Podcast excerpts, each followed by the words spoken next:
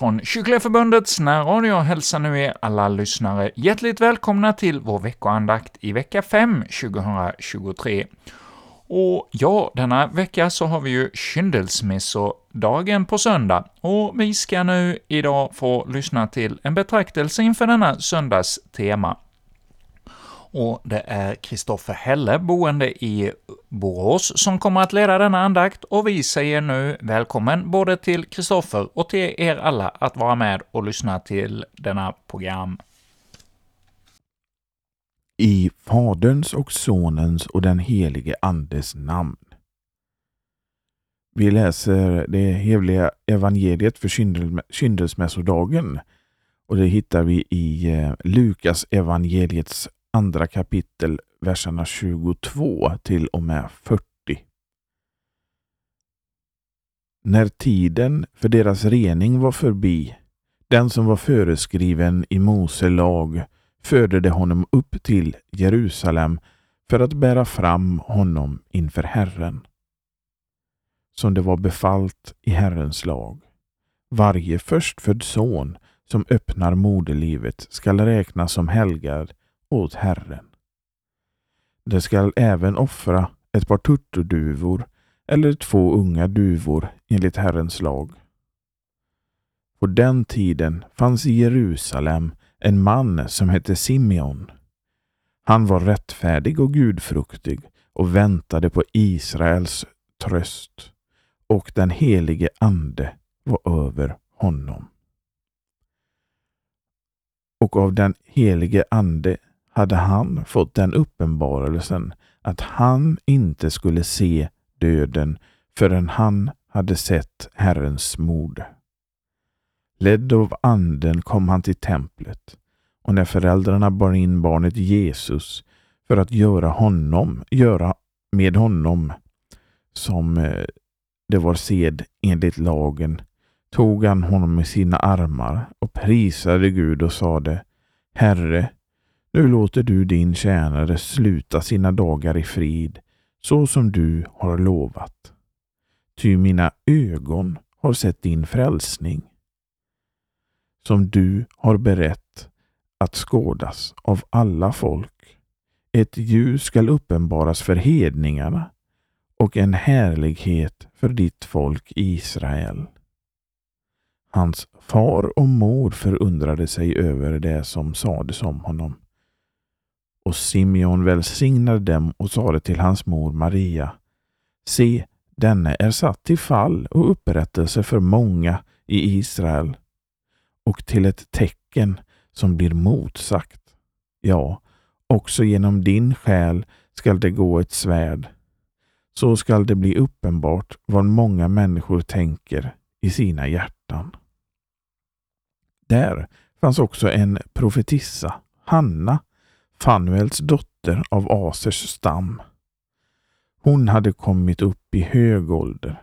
I sju år hade hon levt med sin man från den tid hon var jungfru. Och hon var nu änka, 84 år gammal. Hon lämnade aldrig templet utan tjänade Gud med fastor och böner natt och dag. Just i den stunden kom hon fram och prisade Gud och talade om honom för alla de som väntade på Jerusalems frälsning. Sedan de hade fullgjort allt som var föreskrivet i Herrens lag vände de tillbaka till sin hemstad Nasaret i Galileen. Och pojken växte till och fylldes av kraft och vishet och Guds välbehag vilade över honom. Så lyder det heliga evangeliet. Lovad var du, Kristus. Låt oss bedja. Jesus, hjälp oss denna stunden att rätt ditt ord förkunnas må. Du är den enda säkra grunden vi i vår svaghet bygger på. Skärp ordets värld för någon själ att sansning få för sitt eviga väl. Amen. Gud sade, låt oss göra människor till vår avbild till att likna oss. Låt oss göra människor, står det i Bibelns första boks 26 vers. Vad menas nu med det? Oss, vi, är i detta fallet Fadern, Sonen och den helige Ande. Jorden var öde och tom och mörker var över djupet och Guds ande svävade över vattnet. Så står det i Första Mosebok 1.2. Och där ser vi den helige Ande är med. Och Gud skapar genom sitt ord och det är ingen annan än Jesus själv. Guds enda son, född av Fadern, före all tid, ljus av ljus, sann Gud av sann Gud, född, icke skapad, av samma väsen som Fadern, på honom, genom vilket allt blev till. Så lyder orden i det som vi brukar kalla för den niseiska trosbekännelsen. Jesus är alltså född, inte skapad, av Fadern före alltid, av samma väsen som Fadern, vilket betyder att Jesus också är fullt ut Gud. Att han fanns före alltid, ja, det är hans gudomliga natur. För Jesus han är fullt ut, som vi sa innan, Gud och fullt ut människa. Sin mänskliga natur fick han först när han klev ner på jorden och blev en av oss.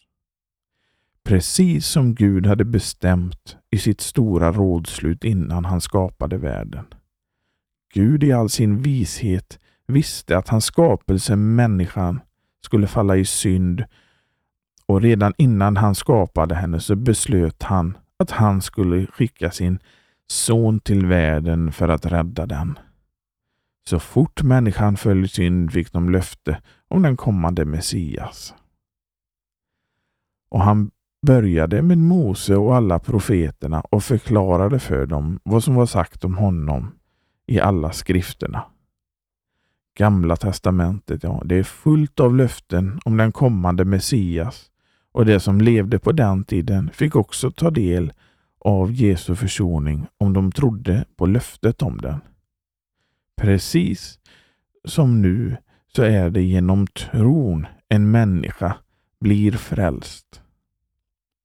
Därför blir ämnet för denna predikan Jesus är den lovade Messias som skall frälsa människorna. Och Vi säger för det första Jesus påbörjar omedelbart sin frälsningsgärning. Jesus påbörjar omedelbart sin frälsningsgärning. Jesu mor Maria och hans fosterfar Josef tar honom till templet för att han, som den förstfödde, skulle räknas som helgad åt Herren. På den tiden räknades en kvinna som oren i 40 dagar efter att hon hade fött barn och under eh, denna tid fick hon inte komma till templet. I stycket precis innan vår text kunde vi läsa om att Jesus, precis så som eh, lagen föreskrev, blev omskuren på den åttonde dagen. Men nu var det dags för nästa steg i vad man skulle kunna eh, vad man ska göra när man har fött barn. Och då särskilt den förstfödde sonen. Genom att Jesus klev ner på jorden och blev människa så blev han det fullt ut. Han blev alltså en sann människa och genom att han blev omskuren blev han upptagen i Guds folk och då också ställd under Guds lag. Men när tiden var fullbordad sände Gud sin son, född av kvinna och ställd under lagen, för att han skulle friköpa dem som stod under lagen, så att vi skulle få söners rätt. Omskärelsen är ett av de två sakrament som fanns i Gamla testamentet. Det andra var påskalammet. Dessa båda gammaltestiga sakrament var förebilder för de två sakrament vi har nu i det nya förbundet, som är dopet och nattvarden. Omskärelsen var en förebild för dopet och påskalammet för nattvarden. Men vad är då ett sakrament? Det är en gudomligt instiftad handling där Gud meddelar sina himmelska gåvor i kyrkan. Det sker genom att ett bestämt element eller synligt tecken eh, som inrättas med instiftelseord. I detta så tillämpar, bekräftar och beseglar Gud sitt nådelöfte om syndernas förlåtelse åt alla som i tro använder sakramentet. Det som menas med en gudomlig instiftad handling är att det är bara Gud som kan vara sakramentets upphovsman. Det är inte möjligt för en människa att instifta ett sakrament. Som det står skrivet hos evangelisten Markus. Vem kan förlåta synder? Det kan ingen utom Gud. Det fundamentala i sakramentet måste komma från Gud själv. Det är när Guds ord kommer till ett element som det blir ett sakrament. Här i vår text ser vi att eh, allt det som lagen kräver med ett barn och med barnets föräldrar uppfylls av Jesus, Maria och Josef. De låter först omskära honom och när reningsperioden var över tar de honom till templet för att där uppfylla sina plikter. Det offer som man eh, skulle bära fram var ett årsgammalt lamm och en duva. Men för den som var fattig kunde det vara tillräckligt med två duvor. Så Josef och Maria de var tydligen fattiga. Men detta offer var inte enda anledningen till att de begav sig till templet. Lagen påbjöd också att den första av manligt kön skulle helgas åt Herren. Detta gällde både människor och djur. I vissa fall kunde man lösa djuren på något sätt och en pojke brukade man kunna lösa genom att ge en gåva till templet på fem silversiklar. Men detta kunde man göra överallt i landet genom att betala pengarna till en präst. De hade alltså inte behövt att ta Jesus till eh, Jerusalem där templet är. Men Guds ande, han hade givit ett löfte till den gamle Simeon och därför ledde Gud dem till templet och Jerusalem där han fanns. De ledde också Simeon dit. Även fast Jesus inte hade påbörjat sin offentliga verksamhet ännu, så hade hans jordiska uppdrag som frälsare redan börjat. Han blev ju som sagt ställd under lagen genom omskärelsen, vilket i sig är en förebild eh, för hans blodsutgjutelse på Golgata också. Och De uppfyllde sina plikter som låg på honom och hans föräldrar, men också löftet till Simeon att han inte skulle få se döden innan han hade sett Herrens mode, alltså Messias som betyder dens mode. Och innan hans offentliga verksamhet så växte pojken till och fylldes av kraft och vishet och Guds välbehag vilade över honom. Tänk vilket skötsamt barn Jesus måste ha varit. Han kan inte ha varit som andra barn när han växte upp där i Nasaret. Hans offentliga verksamhet, ja, det började med hans dop av Johannes döparen. Och Det blev ett sätt, eh, ett omvänt dop kan man säga, där han eh, tog på sig alla människors synder. Världens synder blev lagda på honom så att han kunde försona världen med Gud. Detta är ju till skillnad från vårt dop som vi människor blir döpta med när vi blir döpta in i det namn som tillhör Fadern, Sonen och den heliga Ande. Det är alltså ett namn som delas av dessa tre gudomspersoner. Detta är ett dop till syndernas förlåtelse. Vår gamla människa, köttet, dör i dopet.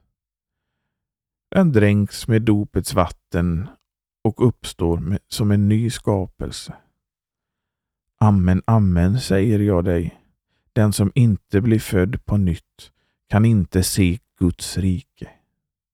Amen, amen säger jag dig, den som inte blir född av vatten och ande kan inte komma in i Guds rike. Det som är fött av kött är kött och det som är fött av ande är anden är ande. Även fast vi är en ny skapelse har vi i dopet uppstått med Kristus så finns den gamla människan, köttet kvar och stör oss så länge vi människor lever här på jorden. Det betyder att vi fortfarande, fortfarande dagligen och rikligen syndar med tankar, ord och gärningar. Men den som är döpt och tror på löftet om syndernas förlåtelse kan falla tillbaka på sitt dop och säga Jag är döpt, därför är jag en kristen. Och man kan vila i att man är ett Guds barn och har ett evigt liv tillsammans med sin frälsare att vänta. Vi säger för det andra och sista. Jesus kommer med tröst till bedrövade syndare. Jesus kommer med tröst till bedrövade syndare. Det är mycket som tynger den som är kristen i den här världen. Inte minst när man tänker på sitt syndafördärv och det straff som det har medfört sig. När Gud först kallar en människa genom evangelium och hon förstår att hon skulle bli lycklig om hon blev en kristen, så blir man först upprymd av alla de Guds andes nåderörelser man känner.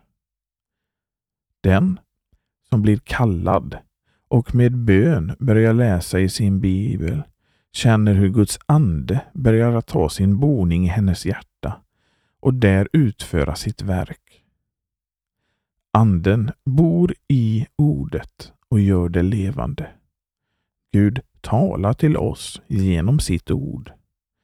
Ofta märker man att eh, det som man läser eller det som sägs i predikan, ja det är just till mig och det talar rätt in i hjärtat. Det är så som Guds heliga Ande arbetar. Och Gud, han vet vad du behöver och vad du vill innan du vet det själv. Han vet vad du behöver göra och gör detta genom Anden. Efter att en människa blivit kallad börjar Anden upplysa henne genom först lag och sedan evangelium. Genom lagen får man reda på att man har brutit emot Guds lag och är en syndare. En syndare som också har dragit på sig ett straff och inget annat än helvetet och det eviga straffet att vänta sig. När man har gått igenom lagens upplysning så får man ändå veta att det finns hopp om att bli räddad genom evangeliet. Jesus, han som blev ställd under lagen och vid sitt dop fick vår syndabörda lagd på sig, har genom sin seger på korset vunnit över synden, döden och djävulen och gjort det vi människor inte kan. Han har gått in i vårt ställe och tagit på sig det straff som vi har gjort oss förtjänta, förtjänta av.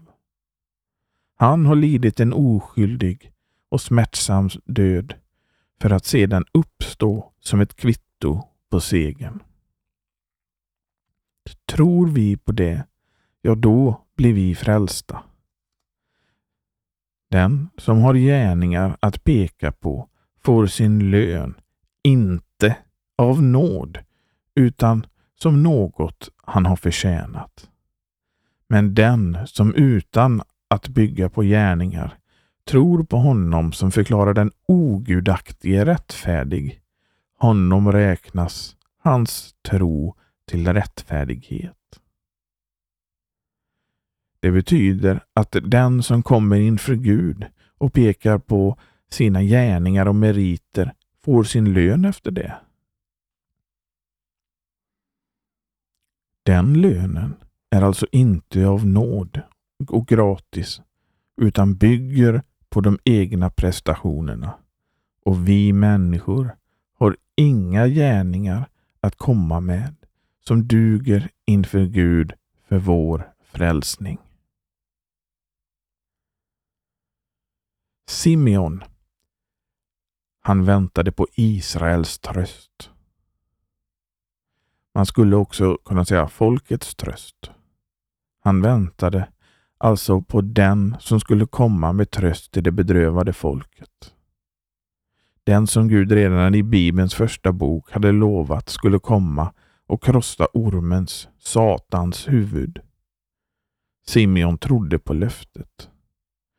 Det vet vi eftersom texten beskriver honom som en rättfärdig och gudfruktig man.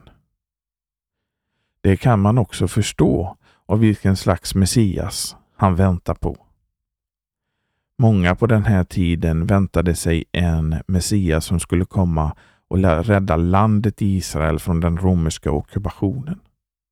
De väntade sig en politisk Messias som skulle återupprätta kungadömet. Och just den här felaktiga förväntan gör att Jesus inte direkt går ut med vem han är.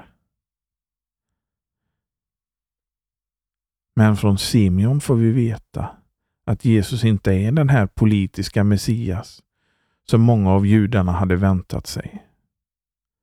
Och det är just från Simeon som vi första gången får höra att hans välde ska sprida ut sig över hela jorden. Han berättar också att det lilla barnet ska bli både till fall och upprättelse. Ja, också genom din själ ska det gå ett svärd. Så skall det bli uppenbart vad människorna tänker i sina hjärtan. För en människa är det lätt att bekänna något med lapparna. Men hjärtat är inte alltid med. De säger något med läpparna men hjärtat vill något annat. Andlig blindhet visar sig även hos människor som har lärt Guds ord. En sådan andlig blind, en andligt blind människa kan inte använda vad hon har lärt sig på sig själv. Hon kan beskriva salighetens väg, men vet inte om hon själv vandrar på den eller inte. Hon vet också på eh, vad som är ett Guds... Hon vet också på vad som är tecken för ett Guds barn, men vet inte alls om hon själv är det. Andlig blindhet det visar sig i synnerhet när människan försöker att använda sig av förnuftet när det kommer till andliga ting. Guds ord förbjuder sådant som människohjärtat längtar efter och påbjuder det som går människohjärtat emot. Detta kan man inte av egen kraft ändra på, utan behöver Guds ande till hjälp. Inte det mänskliga förnuftet eller viljan, för där är den naturliga människan mer lik djävulen än Gud. Inte undra på att människan behöver tröst. Man kan tycka att man i predikan hela tiden upprepar samma saker. Det är lag och evangelium hela tiden. Men människan behöver det här. Människan behöver ständigt lyssna till Guds ord och bruka Guds ord för att få den tröst hon behöver. Annars börjar hon snabbt misströsta och kanske i hemlighet börjar förtrösta på laggärningar och sig själv istället för på Jesus. Förtröstar man på Jesus och hans försoning, ja då finns det hur mycket tröst i skriften som helst. Simeons ögon fick se frälsningen i form av ett litet barn. Det gav honom tröst. Vi däremot kan inte se det med våra egna ögon. Jesus sa det till Thomas Därför att du har sett mig tror du. Saliga är de som tror fastän de inte ser. Vi får istället tro på löftena som Gud ger oss i skriften. Därför är det så viktigt att man ofta läser Guds ord och på det viset blir salig. För Guds barns salighet är inte fördold för oss. En rätt lärare sa att den salighet som Guds barn kan smaka och erfara är tröst, frid och fröjd. Den som håller sig till Guds ord, han blir tröstad och får frid och fröjd inom sig och kan när hans tid är kommen instämma, instämma med Simeon och Martin Luther. Herre, nu låter du din tjänare sluta sina dagar i frid, så som du har lovat. Amen. Låt oss bedja med gudsmannen Magnus Friedrich Ros ord. Herre Jesus, du som är en barmhärtig överstepräst, som kan hava medlidande med våra svagheter och varit frestad i allt liksom vi, dock utan synd. Dig anropar vi denna afton och bedja, till, bedja dig att du vill bevisa oss din barmhärtighet och hjälpa oss i den närvarande nöden. Du har lovat hjälparen, den helige Ande, och dina lärjungar och alla som bedjar dig därom. Låt därför även oss få åtnjuta denna hjälpares bistånd. Låt honom understödja oss i vår svaghet. Mana gott för oss med outsägliga suckar och uppehåll oss i tålamod och i fast förblivande i dig. Du vet, Herre Jesus, att anden är villig, men köttet är svagt. Och hur mycket svårt är det för människor att länge fördraga svåra lidanden utan att tvivla på din kärlek och trofasthet.